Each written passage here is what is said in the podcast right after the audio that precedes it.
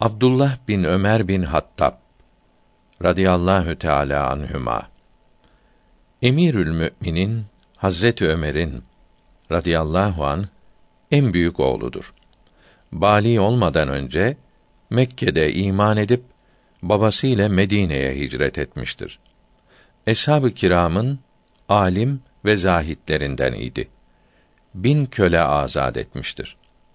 Mekke'de hac sırasında cemre taşı atılırken halkın izdihamı sırasında ayağının iki parmağı arasına bir şey battı.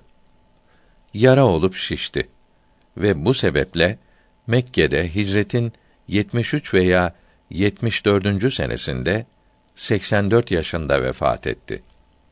Şöyle nakledilmiştir. Bir seferde halkın toplandığını görüp sebebini sordu. Burada bir aslan vardır.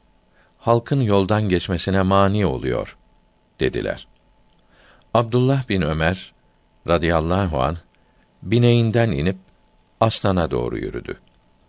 Aslanı eliyle itti. Bir rivayete göre ise aslana bir sille vurarak yoldan uzaklaştırdı.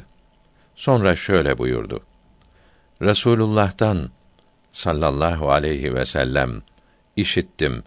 Eğer insanlar kendilerine musallat olan hiçbir şeyden korkmayıp da yalnız Allahü Teala'dan korksaydı kendilerine hiçbir şey musallat olmazdı buyurdu.